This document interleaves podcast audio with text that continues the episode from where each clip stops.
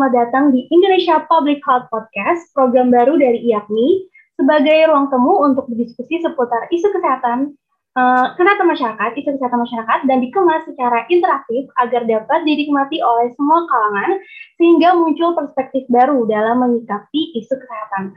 Karena ya sesuai kata pepatah ya, health is not everything, but without health, everything is nothing. Oke, okay. nah Uh, sebelumnya saya memperkenalkan diri terlebih dahulu. Nama saya Nadia yang akan memandu episode kelima podcast ini. Dan pada episode kali ini kita akan kembali dengan format sharing session dengan menghadirkan tokoh-tokoh dalam dunia kesehatan masyarakat yang berbagi cerita inspiratif terkait hal-hal yang sudah dilakukan dalam kesehatan masyarakat.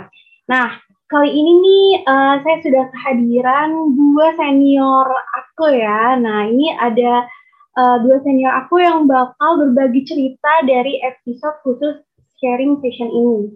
Nah, mereka berdua ini merupakan tenaga ahli kesehatan masyarakat yang sedang melakukan pengabdian di daerah 3T, yaitu ter terluar, mohon maaf, terluar, terpencil, dan terdepan melalui program Nusantara Sehat. Nah, mungkin teman-teman yang nonton atau dari mahasiswa atau yang sudah lulus pun mungkin belum tahu ya program Nusantara Sehat itu apa ya. Nah, nanti dari sini kita juga bakal tahu nih terkait program Nusantara Sehat itu sebenarnya apa sih gitu. Oke, nah sekarang langsung aja kali ya. Kita kenalan dulu nih Kak sama uh, kakak-kakak senior aku ini yang pertama boleh nih kenalan uh, dari mana asalnya, namanya, lulusan dari mana, atau sekarang nih lagi penempat, penempatan NS-nya tuh di mana gitu Kak. Boleh mungkin dimulai dari Kak Citra dulu kali ya, silakan Kak. Oke, halo hai. Hmm, kenalin nih, nama aku Citra. Um, asal kotanya sih dari Palembang. Nah, untuk lulus tahun kuliah itu tahun 2017. Kalau sekarang aku lagi di hmm, apa ya Pulau Siau Tagulandang Biaro yang adanya di Sia, uh, Sulawesi Utara. Jadi kita ter, uh, penempatannya di kepulauan. Gitu aja. Wow, jauh banget ya kak. Itu susah sinyal kali ya kak di sana juga ya kak. Belum lupa ya. Cukup lumayan ya kak. Oke, makasih kak Citra. Nah, uh, untuk langsung okay. Hmm, Kak Sela, silakan Kak, boleh memperkenalkan diri. Ya, nama saya Sela, saya asal dari Jakarta. Uh, penempatannya di Puskesmas Mare, Papua Barat. Lulusannya 2017. Wow, Papua Barat ya. Ini dengar-dengar katanya kakak sampai ke kota dulu ya kak, untuk bisa dapat sinyal nih. Iya, Iya, saya gitu lagi sinyalnya lagi ber, lagi nggak ada hilang muncul hilang muncul ini. Ah, iya. Udah kedengeran sih ya dari suaranya di sana juga agak-agak susah ya kayak. Ya? ya susah sekali ini. Oke kalau gitu mungkin langsung aja nih kak kita langsung bahas aja kali ya kak biar uh, lebih efektif juga nih pembicaraan kita. Nah mungkin ya masih banyak banget orang-orang tuh yang belum familiar nih kak sama program Nusantara Sehat. Nah, mungkin salah satu dari kakak-kakak nih, boleh ada dua-duanya nanti bakal menjelaskan secara singkat aja kak, sebenarnya Nusantara saat itu apa sih? Mungkin boleh dari Kak dulu, coba nanti bisa ditambahin sama Kak Citra. Oke, jadi Nusantara Sehat itu adalah program dari uh, Kementerian Kesehatan dan tujuannya untuk membantu kinerja di puskesmas ya. Jadi di sini Nusantara Sehat terdiri dari dua tipe yaitu yang mandiri dan yang tim. Jadi yang tim itu terdiri dari beberapa profesi dari mulai dokter, terus kesmas, ada bidan, ada perawat, ada apoteker dan sebagainya. Kalau untuk yang individu dia dari berbagai cuma bedanya tim dan tim dan individu. Kalau yang tim itu ditempatkannya dari keputusan kementerian jadi kita tahu nanti ditempatinnya di mana. Kalau yang misalkan yang individu uh, itu kita bisa milih tempatnya di mana untuk kita bertugas. Jadi bertugasnya itu selama dua tahun seperti itu Oh gitu, jadi bertugasnya dua tahun ya kak. Kalau ini kakak berarti ikutnya yang tim ya kak? Ya, kita ikutnya yang tim saya. Mungkin kak Citra mau ada yang ditambahkan? Oke, kalau untuk tambahan dari aku sendiri, uh, semuanya itu ditempatkan di daerah terpencil, kepulauan, itu enggak juga. Ada juga Nusantara Sehat yang ditempatin di daerah-daerah bermasalah, walaupun dia perkotaan, tapi dia memiliki masalah kesehatan yang perlu adanya tim Nusantara Sehat. Ada tuh yang namanya kategori biasa. Jadi ada teman-teman yang ditempati di perkotaan, nggak hanya di pedesaan atau kepulauan, mereka biasa ditempati di situ juga, gitu. Oh gitu, berarti ternyata nggak selalu harus di pelosok ya kak. Berarti memang ada juga ya Iya. daerah selama itu memang ada masalah kesehatan gitu. Iya. Terus kak, Betul eh, Tapi kita- sejauh ini banyak di sana. gimana kak? Tapi memang lebih banyak yang diprioritasin untuk di daerah eh, terpencil, kepulauan, atau perbatasan. Seperti itu. Sangat. Nah, sekarang kita mulai dari awal-awal nih kak. Eh, pengen tahu ya dari kak kita sama kak Nela mungkin bisa sharing nih. Sebenarnya apa ya yang memotivasi kakak-kakak ini untuk mengikuti program kesehatan ini? Boleh silakan kak Citra mungkin. Kalau untuk motivasi, sebetulnya memang dari awal kuliah udah pernah ikut tes Nusantara Sehat, tapi memang waktu itu Allah masih berkata kita masih cadangan. Jadi memang belum langsung lulus untuk penempatan ataupun pemanggilan pembekalan. Jadi itu udah di tahun 2017, jadi sekitar dua tahun baru dapat pemanggilan di 2019. Jadi motivasinya kayak kalau pertama kali baru lulus tuh masih eh, jiwa mudanya pengen, aduh kalau misalkan ikut NS enak kali ya lihat kakak-kakak tingkat yang ke mana-mana keliling Indonesia. Apalagi mereka bisa berhasil membawa nama eh, universitas, membawa nama diri sendiri juga, menawa- membawa nama profesi. Itu bisa berhasil mengatasi masalah kesehatan yang ada di tempat-tempat terpencil seperti itu. Apalagi ada yang kepulauan yang belum sama sekali kita nggak pernah bayangin masalah kesehatannya itu apa. Kayak gitu sih.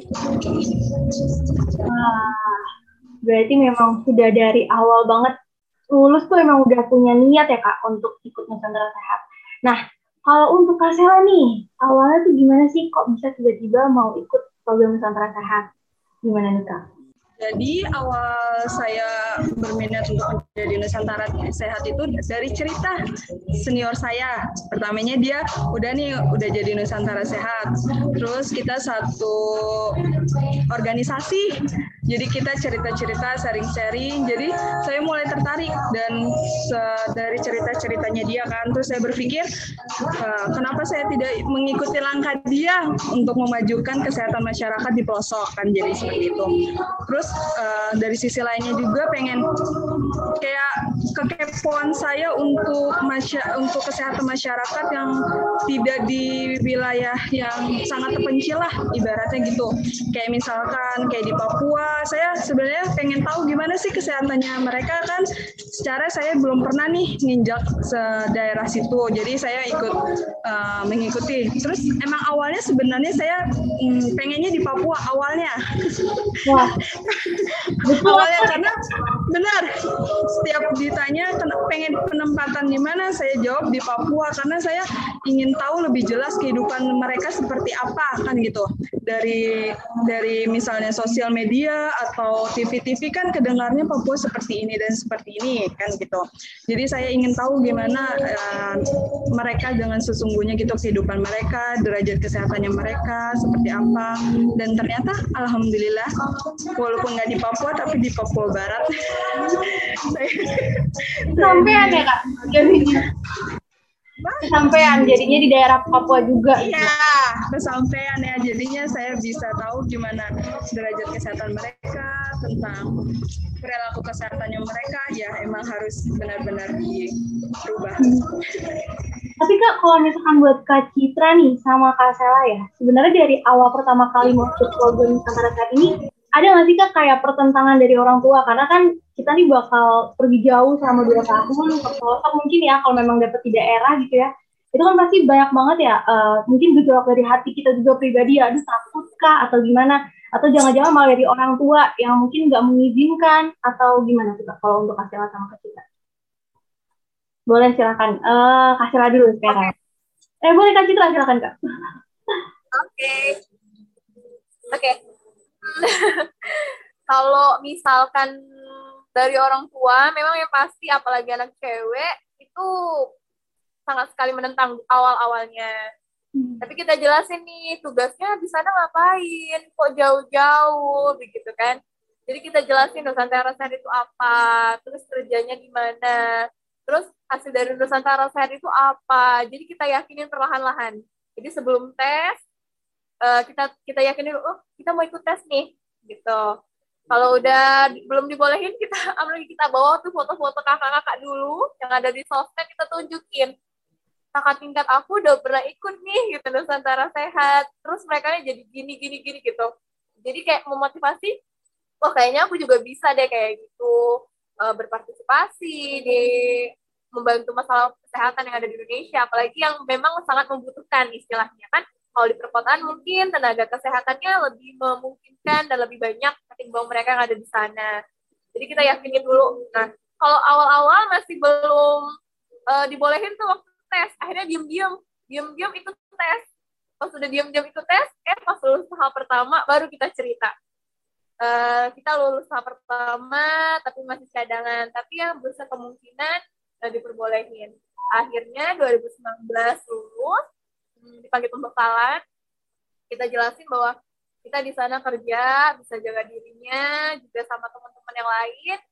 Uh, dan juga karena kita ikut tim kita yakin oh kita nggak sendirian di itu dari anak rantaunya. Jadi alhamdulillahnya akhirnya didukung gitu. Wah berarti perjuangannya cukup berat juga ya kak? Maksudnya untuk perizinannya itu ya? Boleh iya. Hmm, tapi kalau dari kakak sendiri ada rasa takut gak sih kak sebenarnya untuk pergi jauh gitu sebetulnya memang kayak kata Sela uh, awalnya memang pengen pergi jauh. Maksudnya tuh pengen coba hal yang baru dan istilahnya jauh nih. Apalagi kita tinggal di Sumatera. Belum pernah lihat permasalahan kesehatan yang ada di luar Jawa ataupun daerah Sulawesi bahkan Papua. Jadi awal-awalnya mungkin kalau memang pun ditempatin sampai di daerah Sulawesi ataupun Papua, oh berarti memang Allah udah punya rencana lain nih buat kita yang memang dari dalam hati ada doa kayak kata saya jadi dari awal udah didoain buat pengen di Papua alhamdulillahnya keterima di Papua ya Sel. Kalau kita awal sekali doanya uh, pengen memang ke daerah timur. Mau itu di Sulawesi atau ke Papua dan alhamdulillahnya juga kalau kata Sela kita diterima di Sulawesi itu takutnya pertama kali oh ini daerah kepulauan. Gimana ya akses kita nanti? Gimana ya nanti kehidupan sehari-hari akhirnya karena kita satu tim saling menguatkan saling meyakini cari info-info tuh gimana alhamdulillahnya kita sekarang pun sudah awal-awal oh kita nggak sendiri gitu. Pokoknya intinya kita nggak sendiri itu aja. Hmm. oh iya ya benar karena rame-rame juga ya kak. Kita tuh jadi kerjasama satu sama lain juga ya kak. Hmm, saling menjaga lah ya kak satu sama hmm. lain.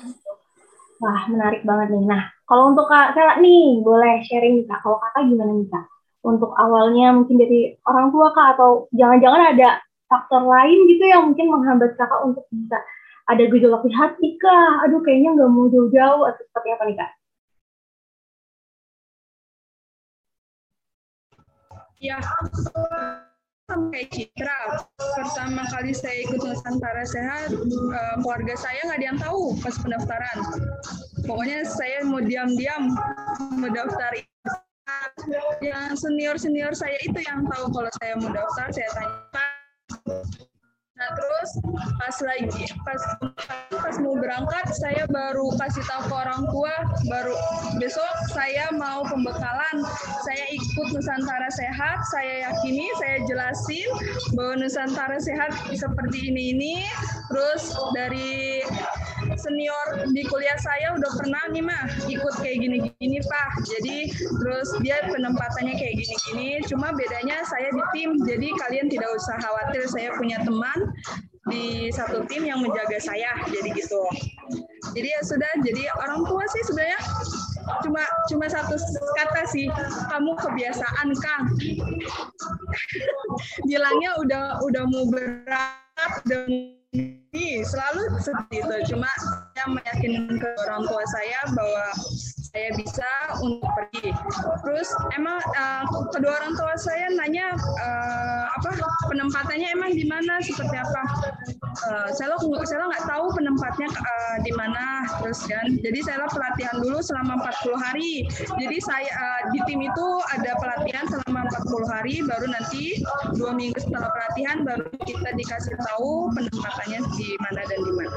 Di situ. Jadi pas sudah selesai pelatihan kita kan nggak diberi uh, handphone dan sebagainya jadi kita tidak tahu mau komunikasi ke orang tua seperti apa. Cuma pas di sela-sela dikasih waktu untuk megang handphone kita baru hubungin orang tua kita baru kita ditempati di sini dan sini. Satu kata bukan kak terkamu doanya tempatin Papua Wah. Jadi ya sudah. Jadi ya sudah ya Mbak, saya mau berangkat kita sama Citra dan sebagainya dan alhamdulillah masih bisa ketemu orang tua sebelum kita penempatan. Waduh. Berarti ini rata-rata dari kecil sama Kak Sheila sama-sama awalnya itu nggak izin dulu nih kak jadi langsung ya, dulu ya tidak izin karena karena saya berpikir saya takut takut tidak diterima. Iya sih benar-benar iya jadi jadi kita nggak mau terlalu pede ya Cit ya untuk daripada nanti nggak diterima. nanti ya nanti bikin kecewa orang tua atau apa jadi pas pas mau pembekalan baru kita ituin. Sama. Hmm.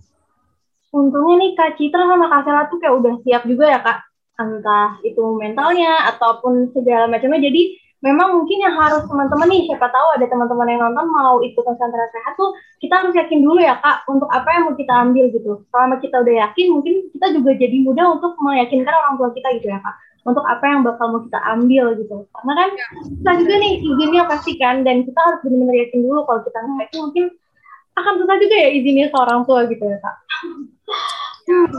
Nah, banget nih kak. Nah, uh, terus nih kita sekarang masuk ke pas kakak Nela sama Kak Citra udah mulai masuk uh, ke daerah nih, udah mulai terbang ke sana. Nah, di sana boleh nih kak, boleh ceritain gimana awal-awal penugasan ya, proses awal penugasan kakak-kakak ini gimana? Apakah ada culture shocknya gitu, atau mungkin kesulitan dalam beradaptasi nih sama lingkungan yang jauh pasti berbeda banget sama yang biasa kakak-kakak hadapi gitu. Nah, boleh nih Kak cerita dari Kak Sela dulu, silahkan Kak. Sela deh. Pertama kali kita datang ke Papua Barat. Dari bandara ke Dinkes aja kita udah menempuh jarak 4 jam. 4 jam kita pertemuan dulu. Habis itu saya mendapatkan kan puskesmas yang uh, sangat terpencil. Jadi dari Dinkes ke tempat saya sekitar 4 jam. Jadi total perjalanan dari bandara ke puskesmas itu atau rumah dinas itu sekitar 8 jam.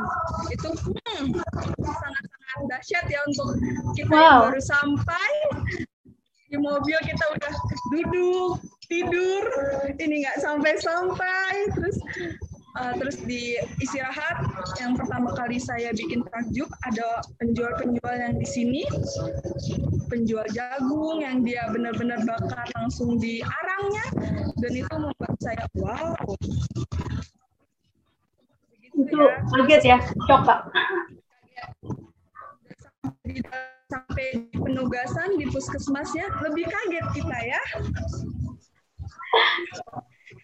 Gimana tuh kak? Karena karena kita sampai di puskesmas kita bagaikan uh, pegawai yang benar-benar baru buka puskesmasnya, entah itu pegawainya lagi libur atau apa, karena kita hanya disambut dengan kepala puskesmas dan dua pegawai dan ibu distrik yang menemani kita. Jadi kita benar-benar kita tata puskesmasnya dari awal, dari yang benar-benar kita datang itu kotor sekali puskesmasnya.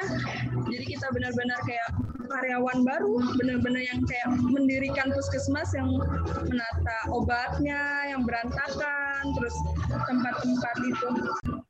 Jadi uh, kayak misalkan benar-benar kayak karyawan dan benar-benar dahsyat ternyata ya Wow. Kalau dari segi masyarakatnya, yang pertama saya bikin kaget itu di sini ngomongnya berbeda dengan di Jakarta ya, karena orang Timur, jadi disangka saya mereka marah-marah kepada sama kita kan karena teriak-teriak ternyata enggak cara cara berbicara mereka emang seperti itu. Jadi tapi alhamdulillah dari masyarakatnya tempat di puskesmasnya alhamdulillah menerima kita dengan baik sampai saat ini. Untuk kendalanya sih hanya awal-awal kayak uh, bahasanya komunikasinya terus perkenalannya lebih lebih dalam lagi ke masyarakatnya. Jadi seperti itu sih kendalanya. Terus airnya air kita untuk mandi dan sebagainya. Dan itu senang kalau dibawa dibawa happy jadi bahagia jadi memang wah itu sangat jauh berbeda ya kak itu pasti jadi pengalaman ya, yang sangat sangat banget buat Kak Sela juga ya di sana itu sebenarnya seru banget yeah. loh kalau iya. dipikir-pikir ya Kak. Iya sebenarnya dipikir-pikir seru. Pertamanya awal-awal emang shock kenapa kayak gini. Terus sinyal hanya sinyal telepon awal-awal wow. yang ada. Terus sinyal sinyal internet nggak ada. Terus 4 bulan kita tugas baru ada sinyal internet dengan jalan yang rusak, dengan yang jalan yang licin, eh tanah merah, berbatuan, aduh ya udah inilah benar-benar. Wah, menarik banget nih. Luar biasa ya Kak Sela di sana untuk adaptasinya ya Kak. Nah, ini kalau misalkan untuk yang di Sulawesi Utara ya, gimana nih Kak Citra? kalau Kak Citra gimana nih awal-awal ke sana Kak? Kalau di kita karena ceritanya sedikit jadi karena kita kepulauan, jadi kita harus naik dulu kapal dari uh, dari Manado untuk nyampe ke pulau ini. Jadi itu kurang lebih kalau kita naik kapal malam itu 6 sampai 7 jam. Bahkan kalau misalkan memang ombaknya lagi kenceng banget, itu bisa 8 sampai 9 jam baru nyampe ini pulau. Tapi kalau kapal dia yang kapal wisata, dia itu sore itu sekitar 4 sampai 5 jam. Nah, sialnya kita, karena kita dari Manado itu selesai dari hotel dan untuk ketemu dulu dan persiapan itu jadi kita harus naik kapal malam. Nah, untuk naik kapal malam itu uh, kita pakai apa ya? Kapal malam itu kita nggak tahu tuh gimana cara pesennya. Pokoknya itu semua dari pendamping kita dari kementerian itu bagaimana naik kapal malam. Jadi pertama-tama ada yang jual tiket bilang pakai bahasa Manado, kita kita pikir kita itu antara aku sama kamu gitu. Ternyata dia bilangin bilang diri dia sendiri. Jadi kita hmm. bingung kan? Oh, maksudnya Bapak gitu. Oh, jadi kita tidurnya di mana? Kita bilang begitu. Eh, maksudnya saya Bapak. Oh, untuk kalian itu ada kamarnya sendiri. Ternyata kita cuma dikasih ranjang, jadi ada tiga tingkat tuh. Satu, dua, tiga. Yang paling bagus yang tingkat tiga tuh ada kamar ternyata kita di tingkat yang paling bawah bersama dengan ayam, bersama dengan sayur. Oh serius Jadi, Kak? Iya, betul. Jadi kita nggak tahu sama sekali ternyata ranjangnya itu kayak gitu. Jadi pertama naik, naik kapal malam, nyampe jadi ke pulau itu jam sekitar jam 2 atau jam 3 subuh. Jadi nggak ada penyambutan kayak saya tuh. Jadi kalau biasanya ada ada penyambutan. Oh kita udah happy happy tapi ternyata kita nyampe nya subuh sekitar jam 2 dan jam 3 ya mana ada orang dinkes mau bangun mau nyambut kita selamat datang atau apa kan? Jadi kita ya, langsung ditaruh di penginapan. Betul sampai di penginapan ternyata paginya kita langsung ke dinas kesehatan uh, jadi udah nyampe di pulau utama ternyata alhamdulillahnya kita di pulau utama pulau Siau jadi untuk pemerintahannya ada di pulau utama, di Pulau Siau. Jadi dari tempat penginapan kita baru ke dinas, baru nanti diantar ke kampung hiungnya kalau penempatan kita. Nah, yang lebih kagetnya lagi dari membaca data kesehatan yang ada, katanya Pulau Siau Tagulandang Biaro itu untuk akses air bersih itu udah 90% lebih. Wow, kita bilang ini kayaknya kita bakal mandi air bersih terus nih, nyuci bersih segala macam tapi ternyata eh ternyata yang 90% itu hanya di daerah pelabuhan, di daerah kota. Pas kita nyampe ke perkampungan, tetap air hujan yang kita pakai. Jadi kayak kita shock, wow, kira-kira kita bisa nggak ya ini? Bisa nggak ya ini? Akhirnya satu bulan pertama kita pakai air hujan satu rumah dinas pada kena gatel-gatel gara-gara nggak bisa pakai air hujan buat mandi. Wow itu memang luar biasa pokoknya. Jadi yang kita uh, banggain atau ngerasa kecil banget tuh kayak wah orang-orang sini aja buat nyampe ke kota mau berbelanja kepentingan yang banyak aja mereka harus nyebrang dulu naik kapal dulu dan itu tuh memang mempertaruhkan sekali apalagi kalau ada ombak besar. Wah yang saya sendiri yang mabuk laut aja udah kayak aduh kalau naik kapal mau terus ke Manado kayaknya nggak sanggup deh kayak gitu. Gitu banget pokoknya. Waduh, gitu sih. Hmm. berarti memang kita jadi tahu juga ya kak ternyata sulit banget ya untuk tinggal di daerah-daerah seperti itu ya kak karena ternyata banyak sekali hal-hal yang uh, kita mungkin mudah dapatkan di sini ternyata di daerah itu sangat sulit untuk didapatkan ya kayak uh, ini memang jadi satu hal juga buat kita dan mungkin uh, ada satu hal yang mungkin bisa kita lakukan juga ya kak buat di daerah gitu ya. Jadi ada motivasi gitu ya kak. Nah uh, setelah kak Sela sama kak Citra nih menjalankan uh, banyak tugas dan segala hal di sana udah mulai beradaptasi nih kak. Mungkin kakak jadi tahu ya Kak Citra sama Kak Sela jadi lebih paham dan tahu gimana sih sebenarnya angka kasus penyakit nih. Kita sekarang masuk ke angka kasus penyakit di daerah masing-masing dari Kak Citra sama Kak Sela. Mungkin boleh nih Kak sharing ke kita mau tahu di sana tuh seperti apa ya kalau untuk kasus penyakit nih Kak. Boleh dari Kak Citra mungkin? Oke. Hmm, kalau di sini, kalau untuk di kecamatan kita sendiri, itu masih ada yang namanya penyakit kusta. Jadi yang biasanya udah jarang banget kita temuin di perkotaan, di sini ada. Uh, terus dia sama kayak fenomena es, jadi hanya kelihatan sedikit, tapi ternyata kalau kita lebih teliti lagi dan kita masuk ke lapangan, ternyata masih banyak orang-orang yang tidak menyadari bahaya sakitnya dan bagaimana kita bisa uh, sudah sudah nggak bakal ada lagi kusta di Indonesia ternyata sangat kita kaget bahwa di sini banyak banget ternyata masih. Tapi kalau untuk sekarang udah mulai ada program sendiri dari pemerintah, sudah mulai juga care untuk semua masalah kesehatan. Jadi sudah mulai berkurang, terutama juga untuk kasus TB. Sama halnya kayak kasus eh, kasusnya kusta. Kalau TB biasanya orang-orang itu lebih nggak mau datang buat periksa karena bukan apa untuk pemeriksaan sputum aja mereka puskesmas di Hiung kalau dulu sebelum ada anak NS itu belum ada pemeriksaan sputum. Jadi harus kirim dulu ke rumah sakit untuk ada pemeriksaan.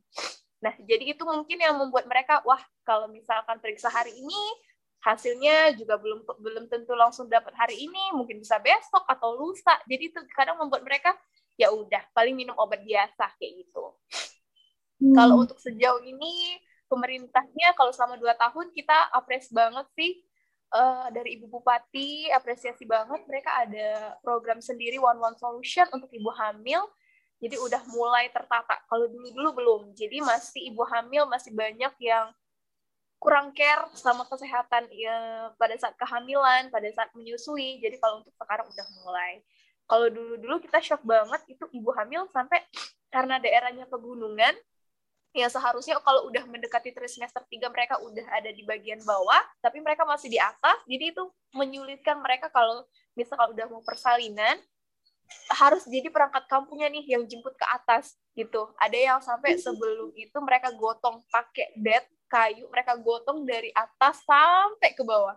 Gitu menurut kita kayak belum ada kesadarannya bahwa mereka tuh bahaya daerah pegunungan gitu walaupun mereka sehari-hari udah ada di daerah seperti itu semenjak ada program baru dari pemerintahnya jadi kita apresiasi banget. Jadi kita sama kerja sama oh ada Nusantara Sehat nih pemerintahnya juga welcome dan juga care sama masalah kesehatan kita ngerasa dibantu banget kayak gitu.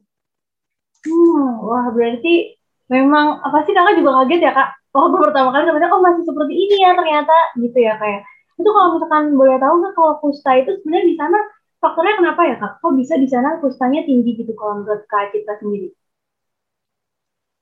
untuk sejauh ini kalau yang penderita kusta itu penderita kusta lama. Tapi kalau misalkan uh, sekarang kalau dari pemegang program sendiri disebabkan ada yang katanya ini masih mereka bilang uh, apa namanya kutukan. Masih ada tuh yang dulu-dulu zaman-zaman dulu mengbilangin kalau itu uh, penyakit kutukan. Tapi kalau sekarang udah di lurusin nih sama pemegang program kita, oh berarti emang udah ada penyebabnya sendiri gitu.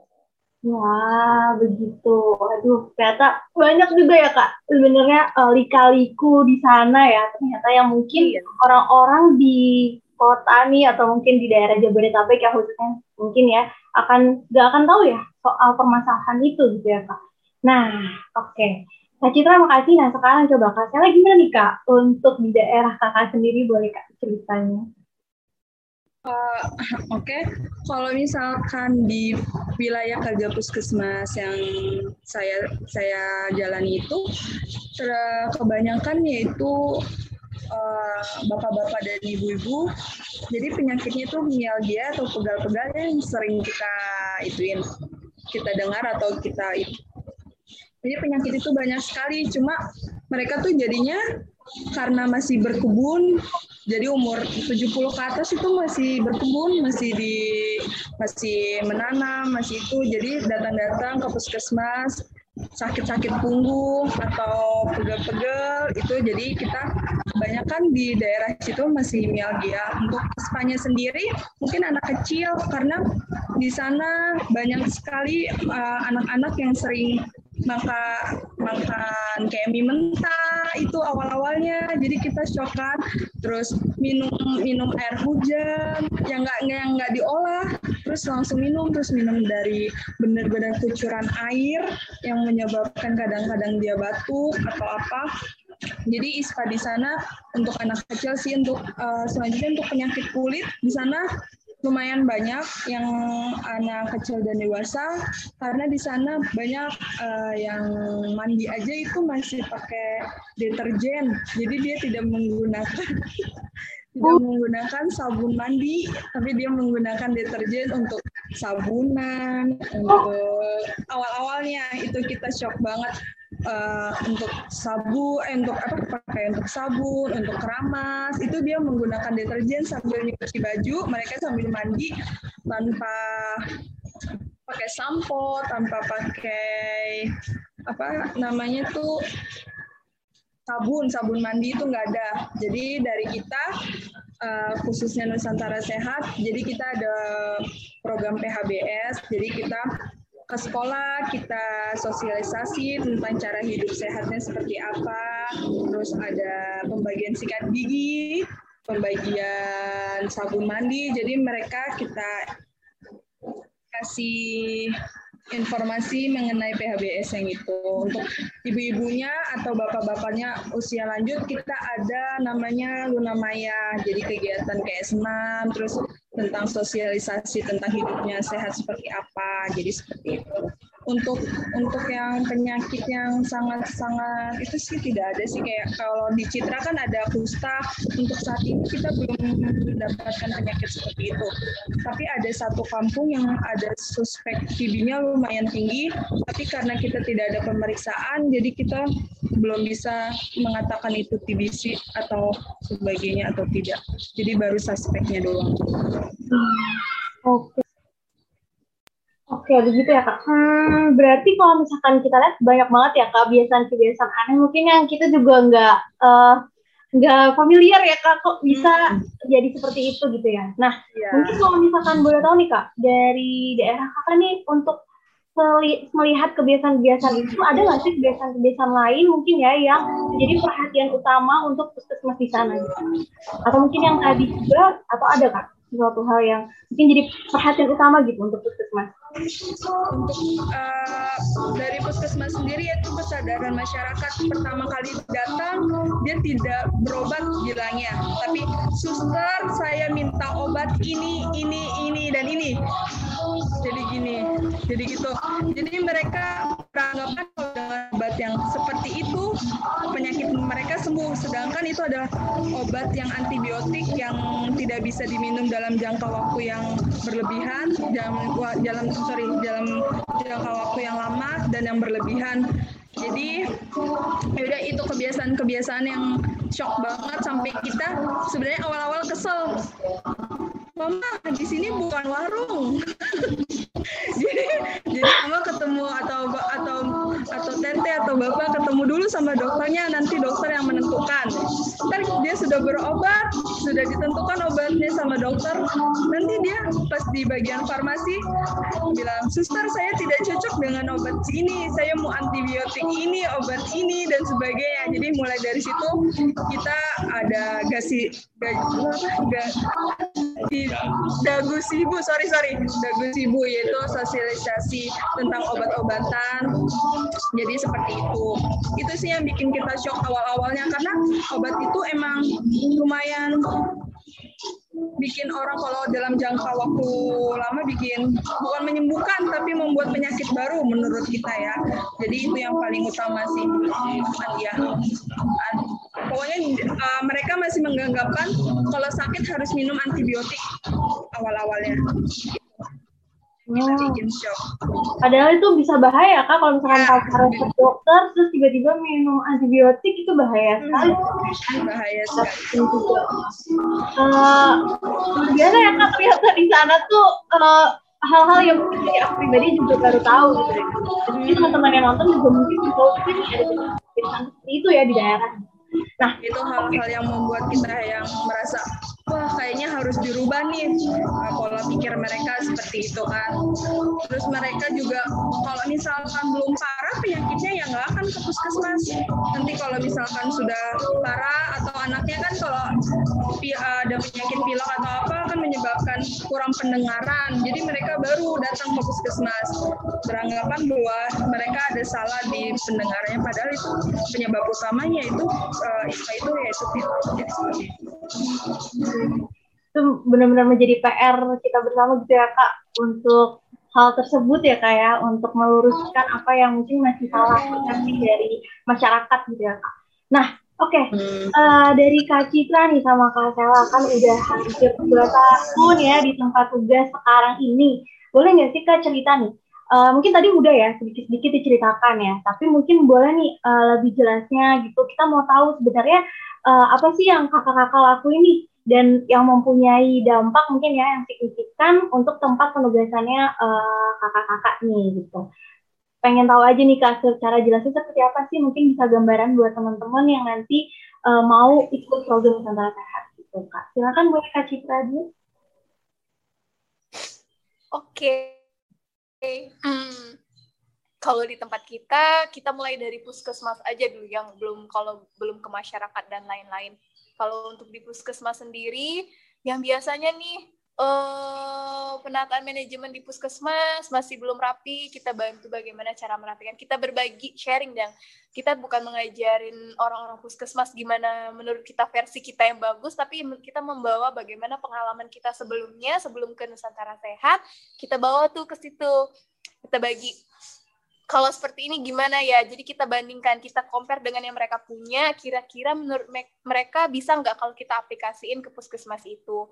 Nggak usah jauh-jauh, misalkan tentang uh, kerapihan atau manajemen di rekam medik, misalnya kayak gitu aja dulu. Kerapihan bagaimana mereka menata nomor, mereka menata bagaimana nanti untuk giliran pasien, kan itu kita bisa sharing. Nah, itu lagi. Terus yang kedua, kalau di puskes, biasanya mereka memang karena mungkin nggak ada anak-anak mudanya gitu yang kalau muda kayak kita atau mungkin nggak ada yang PNS baru yang datang ke sana. Jadi kayak misalnya kegiatan senam pagi di hari Jumat itu tuh kayak hal yang wah gitu kan.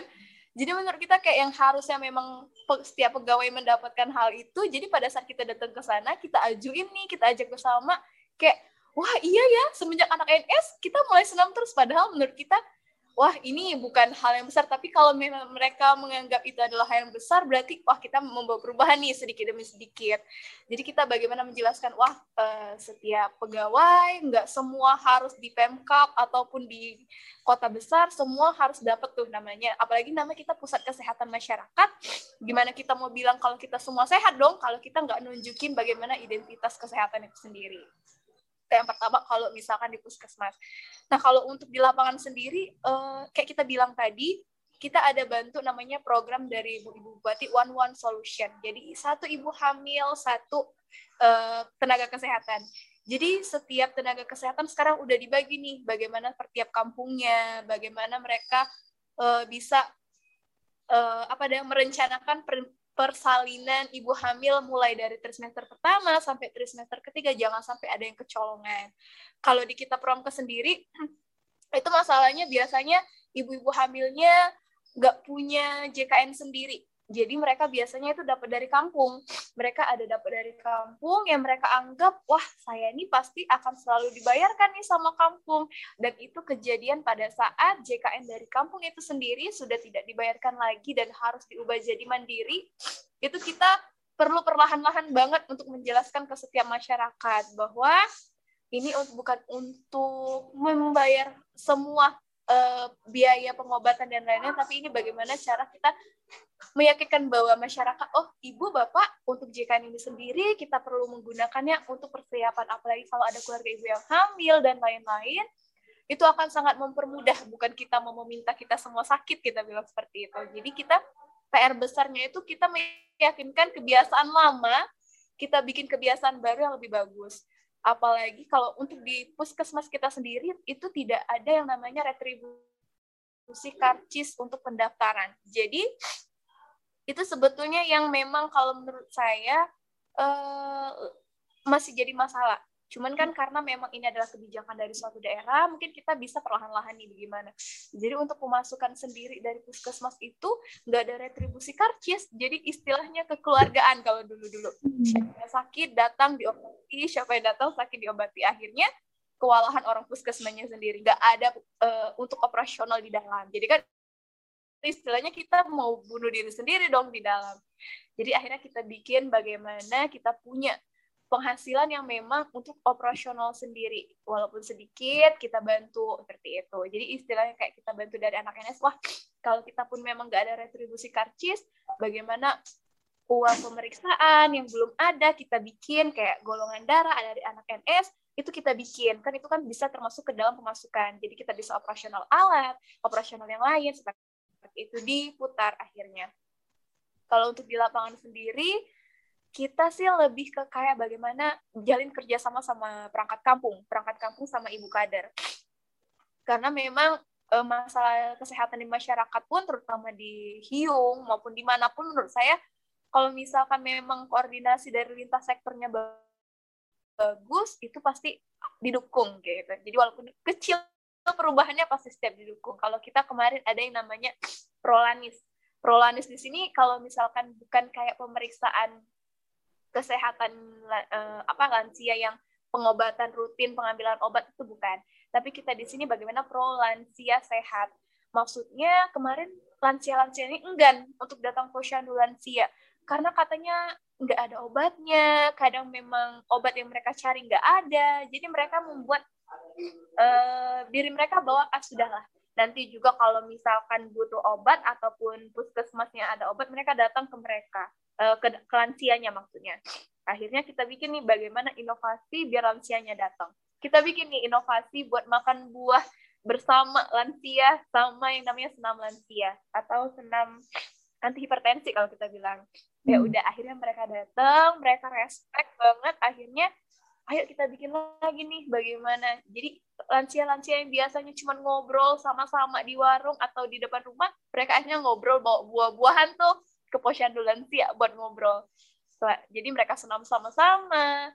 Jadi sebagai hiburan mereka yang biasanya hanya di rumah mereka datang ke posyandu walaupun tujuannya memang untuk mendapatkan pelayanan kesehatan tapi mereka juga mendapatkan istilahnya hiburan nggak ada stres. Jadi kan kita bikin lansianya itu enjoy gitu sih. Gitu kalau yang menurut saya paling berkesan Wah, itu udah cukup banyak ya Kak. Ternyata banyak sekali yang udah dilakukan yang luar biasa ya. Mungkin iya, mungkin itu memang uh, uh, apa ya? Semua dari banyak uh, faktor gitu ya Kak. Jadi maksudnya dari sektor uh, sistemnya tersendiri maupun dari langsung ke masyarakatnya pun sudah banyak sekali yang sudah dilakukan. Itu luar biasa sekali ya Kak. Uh, aku pun senang banget dengernya ya. Ternyata jadi banyak sekali perubahan. Terutama juga dari lansianya sendiri gitu ya kak. Bisa sampai bawa-bawa buah gitu kan. Itu hebat sekali loh kak. Wah luar biasa ya kak Citra. Oke nih. Nah um, sekarang kita coba ke kak Sela. Gimana nih kak? Kalau di sana mau tahu nih kak kalau uh, di daerah kakak gimana nih? Boleh sharing-sharing kita kak? Hmm, di daerah sini ya. Hmm kalau diceritain panjang ya Nat ya. Dari yang tadi saya udah ceritain aja awalnya aja kita puskesmas benar-benar kosong. Kita dapat info dari masyarakat situ katanya puskesmas nggak buka sama sekali katanya gitu. Jadi kita datang, kita buka setiap saat kalau bisa dikata 24 jam, 7 kali 24 jam kita buka kalau dibilangin kalau misalkan lagi tidur asik-asik ada yang gedor-gedor minta berobat rasanya mau marah gitu kan. Cuma cuma balik lagi niat kita untuk kesehatan kesehatan uh, masyarakat yang lebih baik kan. Jadi kita layanin kita itu untuk di bagian puskesmasnya sendiri sama seperti kita kita uh, kayak misalkan membuat rekam medis yang sama sekali belum ada pas kita datang. Jadi kita buat rekam medisnya seperti ini kita laporkan ke dinasnya. Dan menurut dinasnya ini baru semenjak ada Nusantara Sehat baru Puskesmas Mare mengirimkan laporan katanya seperti itu. Wah katanya bagus nih ya Pak katanya.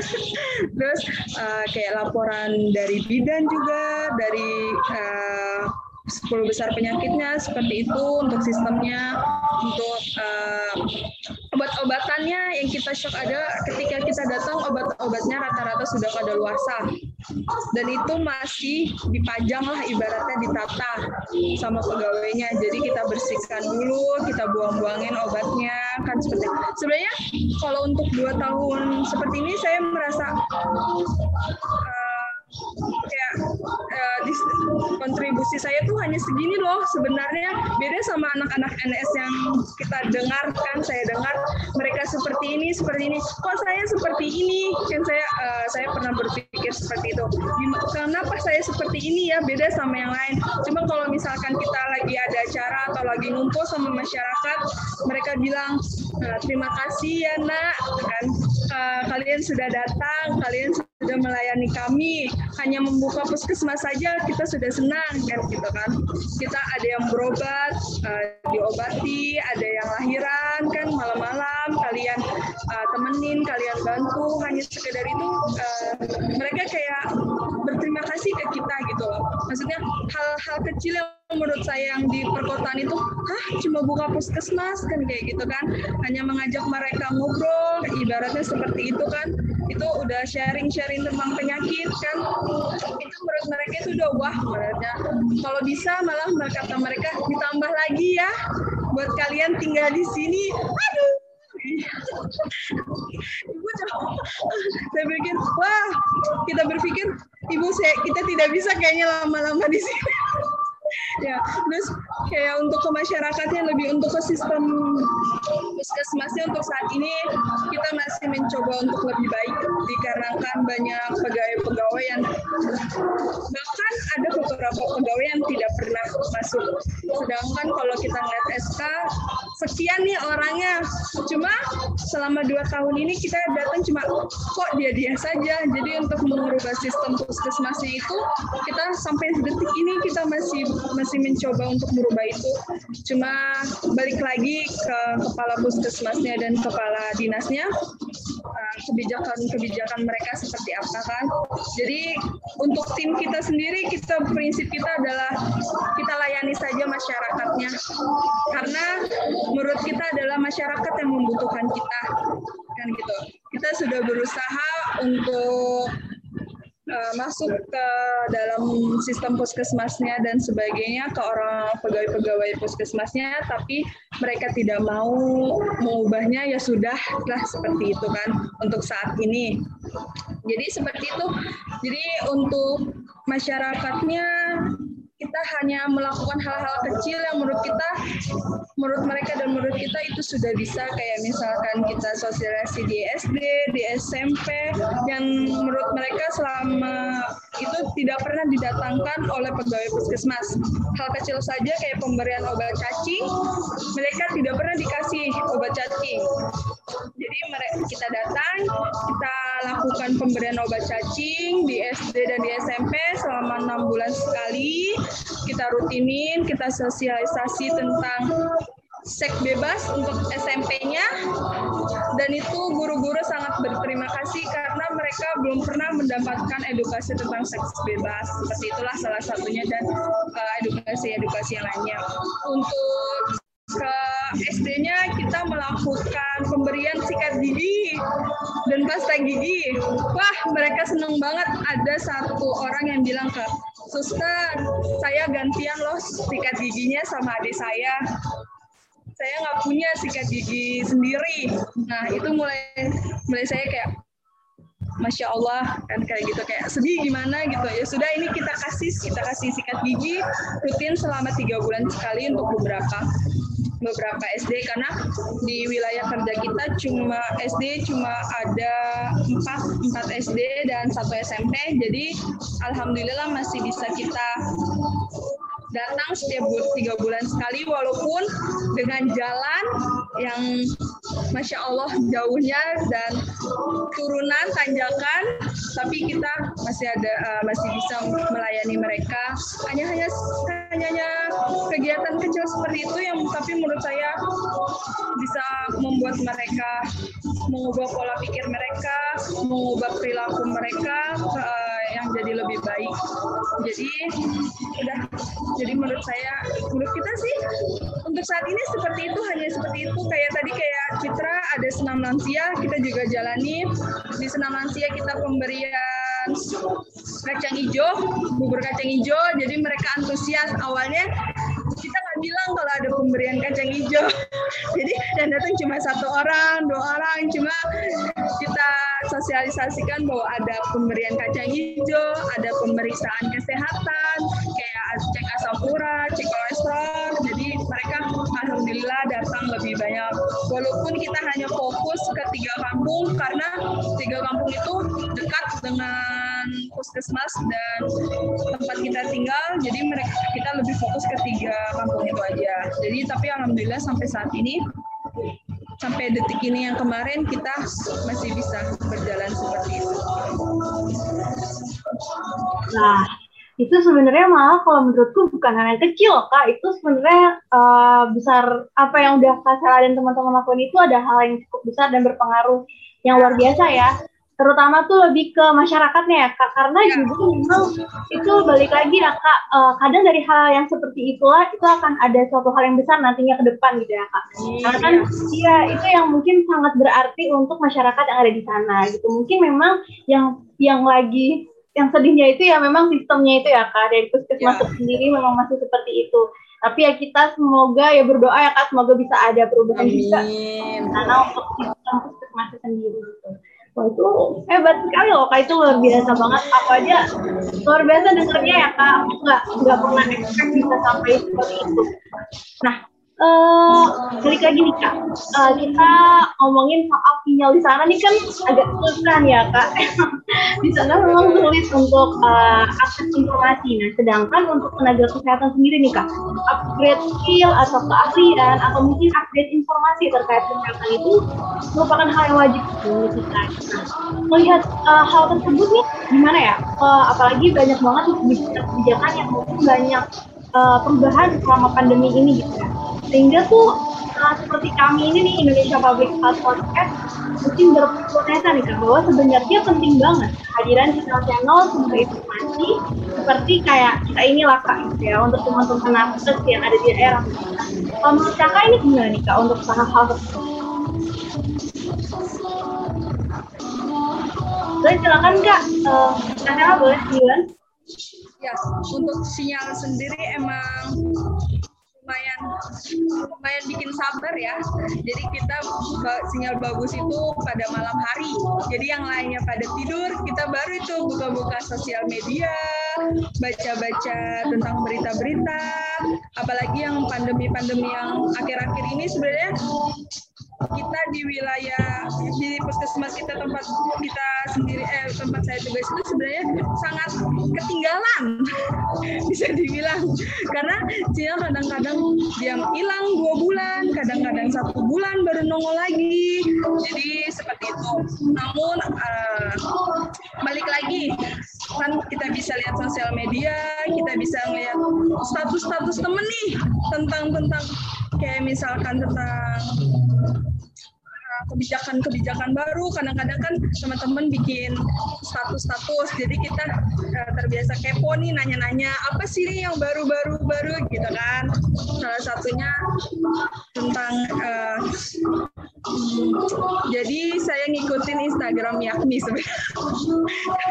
jadi kita saya kepo-kepo sebenarnya ya. Terus saya mendapatkan uh, kayak podcast podcast ini, terus ada teman saya yang kirim-kirim. Jadi saya dengar-dengar tentang podcast ini. Menurut saya ini bagus sekali. Karena kan terkadang walaupun kita mendengarkannya lama lah ibaratnya tapi seenggaknya kita tidak tertinggal jauh. Walaupun kita mengetahuinya tidak secepat teman-teman jadi kalau bisa podcast-podcast kayak gini kita terus majulah ibaratnya seperti ini jadi kan sambil menunggu pasien kita bisa dengar kita bisa streaming kan jadi seperti itu Wah, berarti memang uh, ternyata itu sangat penting ya untuk pendidikan kesehatan, ya. terutama Kak aja merasa seperti itu ya Kak. Hmm. Oke, okay. kalau untuk Kak Citra nih, di daerah Kakak gimana nih Kak? Oke, okay, kalau di daerah kita sendiri sebetulnya untuk akses internet dulu-dulu ada nih namanya Net One. Jadi itu adalah akses internet kayak modem kecil yang kita pakai. Ya walaupun memang nggak terlalu bagus, ya paling nggak kita bisa akses informasi. Tapi udah hampir satu tahun ini udah mulai nggak ada lagi itu akses, jadi kita mau nggak mau harus cari sendiri. Cari yang naik ke lapangan dulu, entah kita nanti mau cari ke daerah kota. Soalnya kalau kita mati listrik, otomatis di daerah kita udah nggak bakal ada akses nelpon sama pun uh, internet. Jadi kayak gitu. Jadi kalau untuk akses informasi dan lain-lain, kalau misalkan kita lagi ada belanja bulanan atau lagi ada pergi ke dinas, itu tuh saat kita mulai kumpulin semua download downloadin informasi yang baru-baru kita downloadin semua. Walaupun dibacanya nanti pas di rumah, yang penting di download dulu semua kayak gitu. Jadi kalau misalkan kayak dulu-dulu ada informasi terbaru tentang pandemi, kita semua download eh, kebijakan-kebijakan terbaru tuh kita ke dinas. Waktu kita ada kumpul laporan, itu tuh mulai. Kita mungkin pulangnya agak sore nih, kenapa kita downloadin semua peraturan-peraturan terbaru daripada kita nggak tahu sama sekali kan, jadi gitu. Kita juga koordinasi sama kepala puska, sama lain kira-kira kalau dari grup uh, pemegang program mereka apa yang terbaru nih dari orang dinasnya apa yang baru nih seperti itu. Jadi kita compare aja tuh. Kita sharing-sharing informasi terbaru. Kalau untuk podcast ini sendiri jujur kalau aku suka dengerin podcast lumayan. Cuman karena kalau sinyal nggak nggak ada kayak gini ya mau nggak mau kadang nggak bisa dengerin. Kan akhirnya kita downloadin dulu. Nah, jadi kan kita bisa denger tuh aduh nanti aku dengerin. Yang penting sama kayak kata Sela aku downloadin dulu nih. Jadi kalau misalkan lagi butuh informasi atau emang lagi gabut banget ya paling enggak kita bisa cari informasi yang udah kita download sebelumnya yang jadi bahan buat makanan ilmu lah gitu. Akhirnya kayak gitu. Kalau buat akses telepon orang tua dan lainnya kita mungkin tinggal menunggu nih kalau sekarang sinyalnya masih boleh muncul lagi itu netwan ya alhamdulillah. Tapi kalau enggak berarti akses informasi di Siau Barat Utara ya. Kita memang salah satunya harus pergi ke tempat-tempat sinyal kayak gitu dan harapannya sih podcast kayak gini tuh jadi kayak mudah diterima di kal kalangan milenial jadi lebih mudah didengerin atau bahkan mereka yang karena bisa kasih masukan kan kita jadi kayak wah nggak ada di kita nih kayak gini bisa nih diterapin dan di uh, remake lagi nih di tempat kita kayak gitu. Wow, oke okay, kak, wah, makasih banget ya kak buat sharingnya. Nah, uh, ini aku pengen coba nih sedikit kulik lagi terkait uh, Permenkes 43 tahun 2019 ya kak. Nih kita mungkin agak masuk ke undang-undang ya kak. Nah itu kan terkait tentang puskesmas di Permenkes 43 tahun 2019 itu memang sudah tidak dijelaskan lagi ya mengenai tenaga, tenaga kesehatan masyarakat gitu. Namun emang hanya spesifik ke promosi kesehatan dan surveillance gitu. Nah, saya mau tanya nih Kak, uh, pandangan dari kakak-kakak nih gimana nih terkait hal tersebut gitu. Um, selama uh, sebagai tenaga kesehatan yang udah menjalani uh, Nusantara selama dua tahun ini, gimana Kak?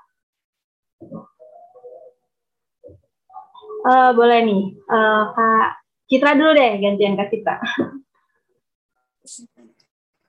Oke, okay, uh, Oke, okay, kalau menurut aku sendiri tentang untuk Permenkes 43 tahun 2019 yang mengenai tentang jadi tenaga kesehatan masyarakat itu dijadiin promkes sama surveillance. Jujur sendiri aku dari peminatan epidemiologi dan biostatistik gitu kan. Jadi kayak uh, kalau memang terakuinya adalah bagian promkes dan surveillance, bagi aku sendiri memang tidak keberatan dan bisa mengap dan kayak orang-orang mempercayai bahwa promosi kesehatan dan surveillance itu adalah bidangnya ke kesehatan masyarakat. Kayak kita tuh kalau orang-orang awam pasti bakal nanya, kesehatan masyarakat itu apa? Dokter kah? Perawat kah? Bidan kah? Oh enggak. Uh, kok tapi tenaga kesehatan masyarakat ada yang biasa kerja jadi front office ya atau yang jaga di mana ya gitu oh itu karena memang kita punya sendiri nih skill promosi kesehatannya. Jadi kita jadi kalau dengan adanya Permenkes itu menurut aku bisa lebih memperinci kalau ada orang yang tanya itu wah eh, kesehatan masyarakat itu kayak gini loh tugasnya. Jadi kalau mau dibilang bukan dokter ataupun suster yang ngobatin mereka juga bisa mengobatin uh, istilahnya uh, ilmu-ilmu yang beredar di masyarakat hoax-hoax kesehatan itu kita bisa benahi dengan promosi kesehatan. Apalagi untuk epidemiologinya, surveillance-nya membantu sekali tuh untuk data kesehatan daerah dan lain-lain. Surveillance itu menurut aku jantungnya sebuah organisasi di pusat kesehatan masyarakat atau puskesmas karena tanpa ada surveillance data-data itu sebetulnya nggak bakal terolah memang ada data yang masuk tapi tidak ada pengolahan. Bagaimana itu data bisa muncul, bisa up di daerah, e, kalau tanpa surveillance aku nggak bisa. Jadi dengan adanya Permenkes ini, aku setuju banget tenaga kesehatan masyarakat itu sudah bisa dikerucutkan lagi bahwa untuk profesinya sebagai apa. Oke, baik. Makasih ya Kak Citra untuk tanggapannya. Ini aku pengen tahu nih, kalau tanggapan dari Kak Sela sendiri gimana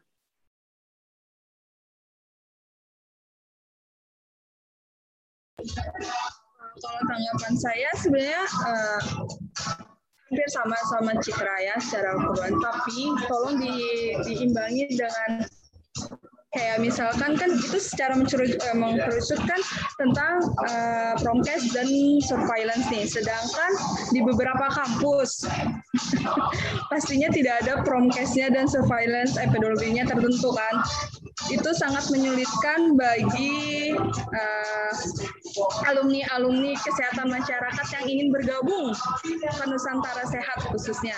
Karena semenjak tahun beberapa tahun kebelakangan uh, Nusantara Sehat lebih spesifik nih. Kan kalau dulu pas saya daftar hanya kesehatan masyarakat, cuma sekarang lebih spesifik ke promkes dan surveillance-nya.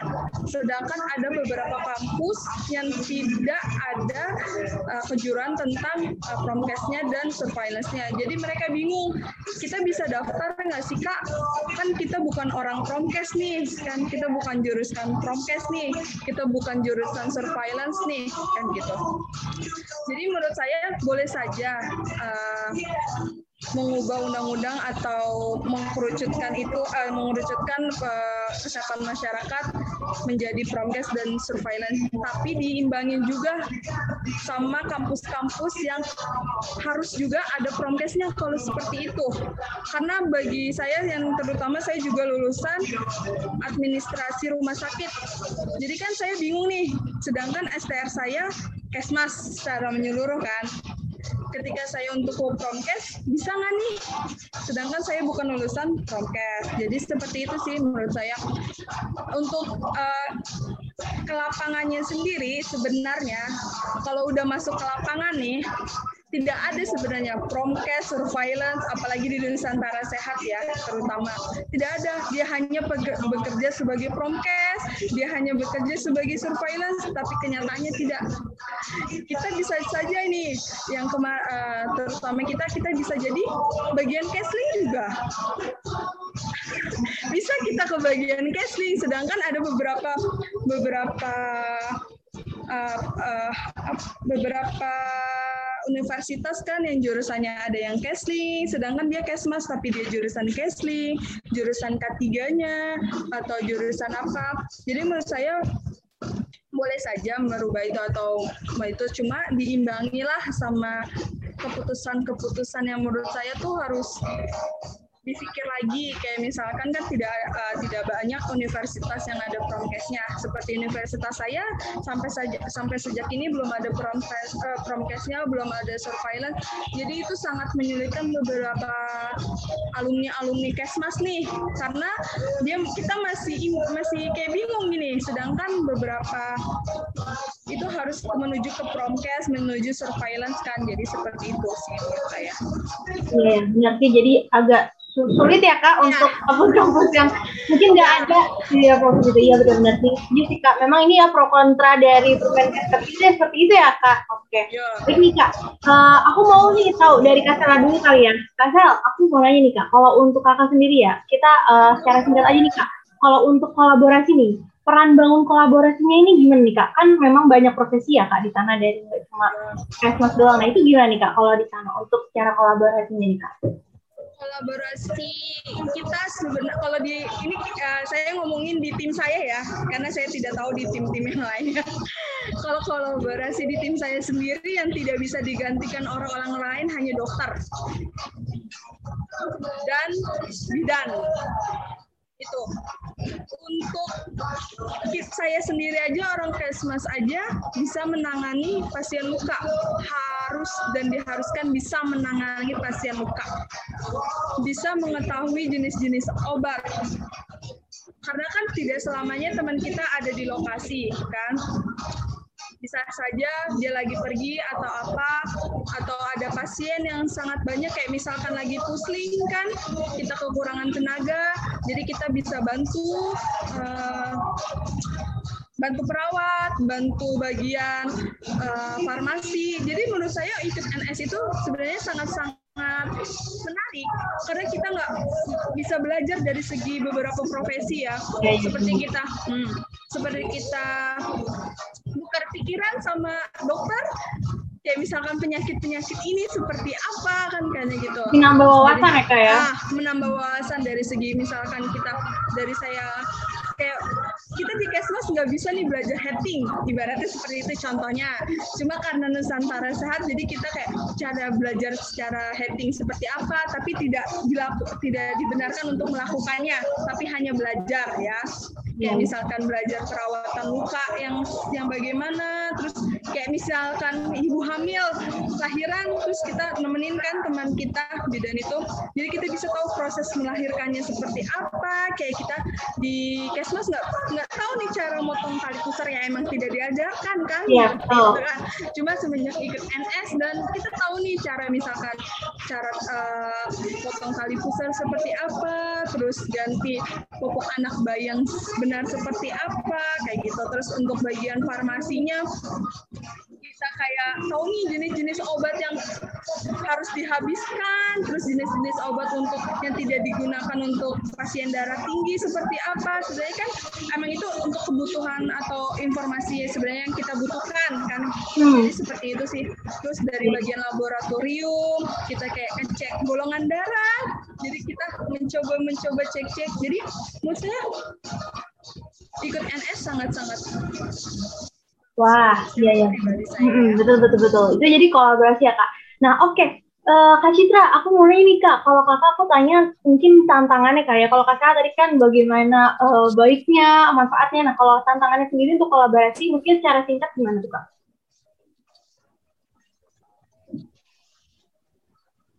Oke, kalau untuk tantangan sendiri sih dari kolaborasi, kalau dari tim kita uh, ya namanya juga setiap pemikiran orang beda-beda, jadi kita pasti pasti banyak banget yang namanya perbedaan pendapat dan segala macam. Jadi gimana caranya itu kita menurunkan ego masing-masing itu demi satu tujuan yang sama. Karena tujuan kita kan sama sama nih. Istilahnya datang ke sini tujuan kita mau profesi apa tujuannya tetap sama. Buat memperbagusi uh, lebih menaikkan lagi dengan inovasi uh, program-program kita gimana caranya kesehatan masyarakat yang ada di tempat penempatan kita itu jadi lebih bagus. Apalagi yang kesehatannya juga lebih bagus.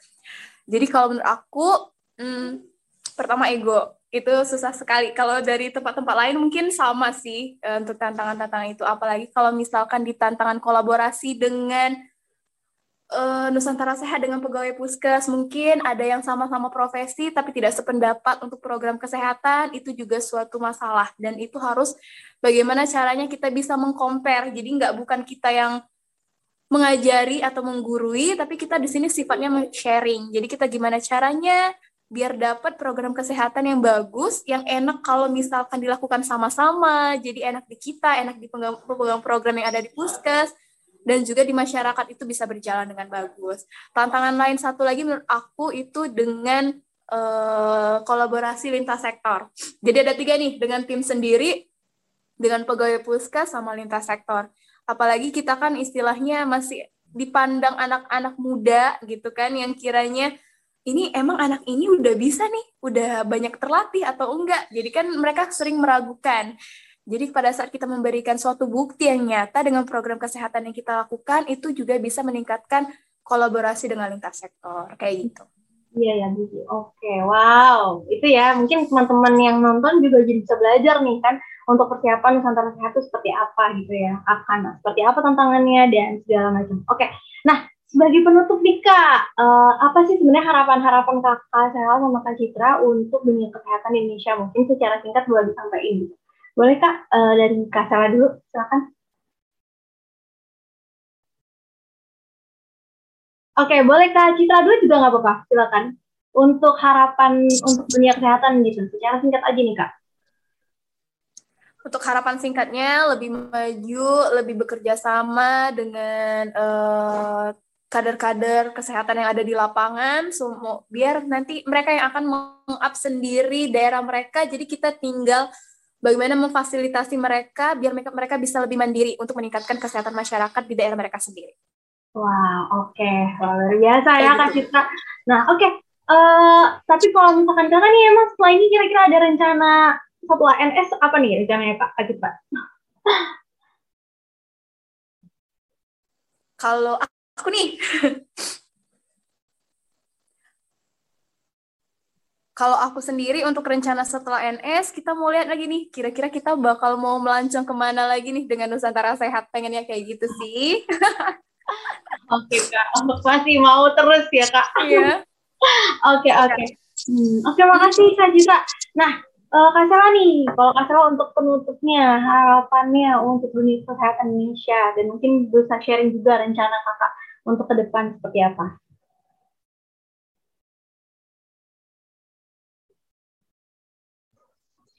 Untuk harapan uh, harapan aku terutama di bagian Papua dan Papua Barat semoga cepat berlalu. Yang kemarin-kemarin kejadian-kejadian kemarin semoga tidak terulang lagi.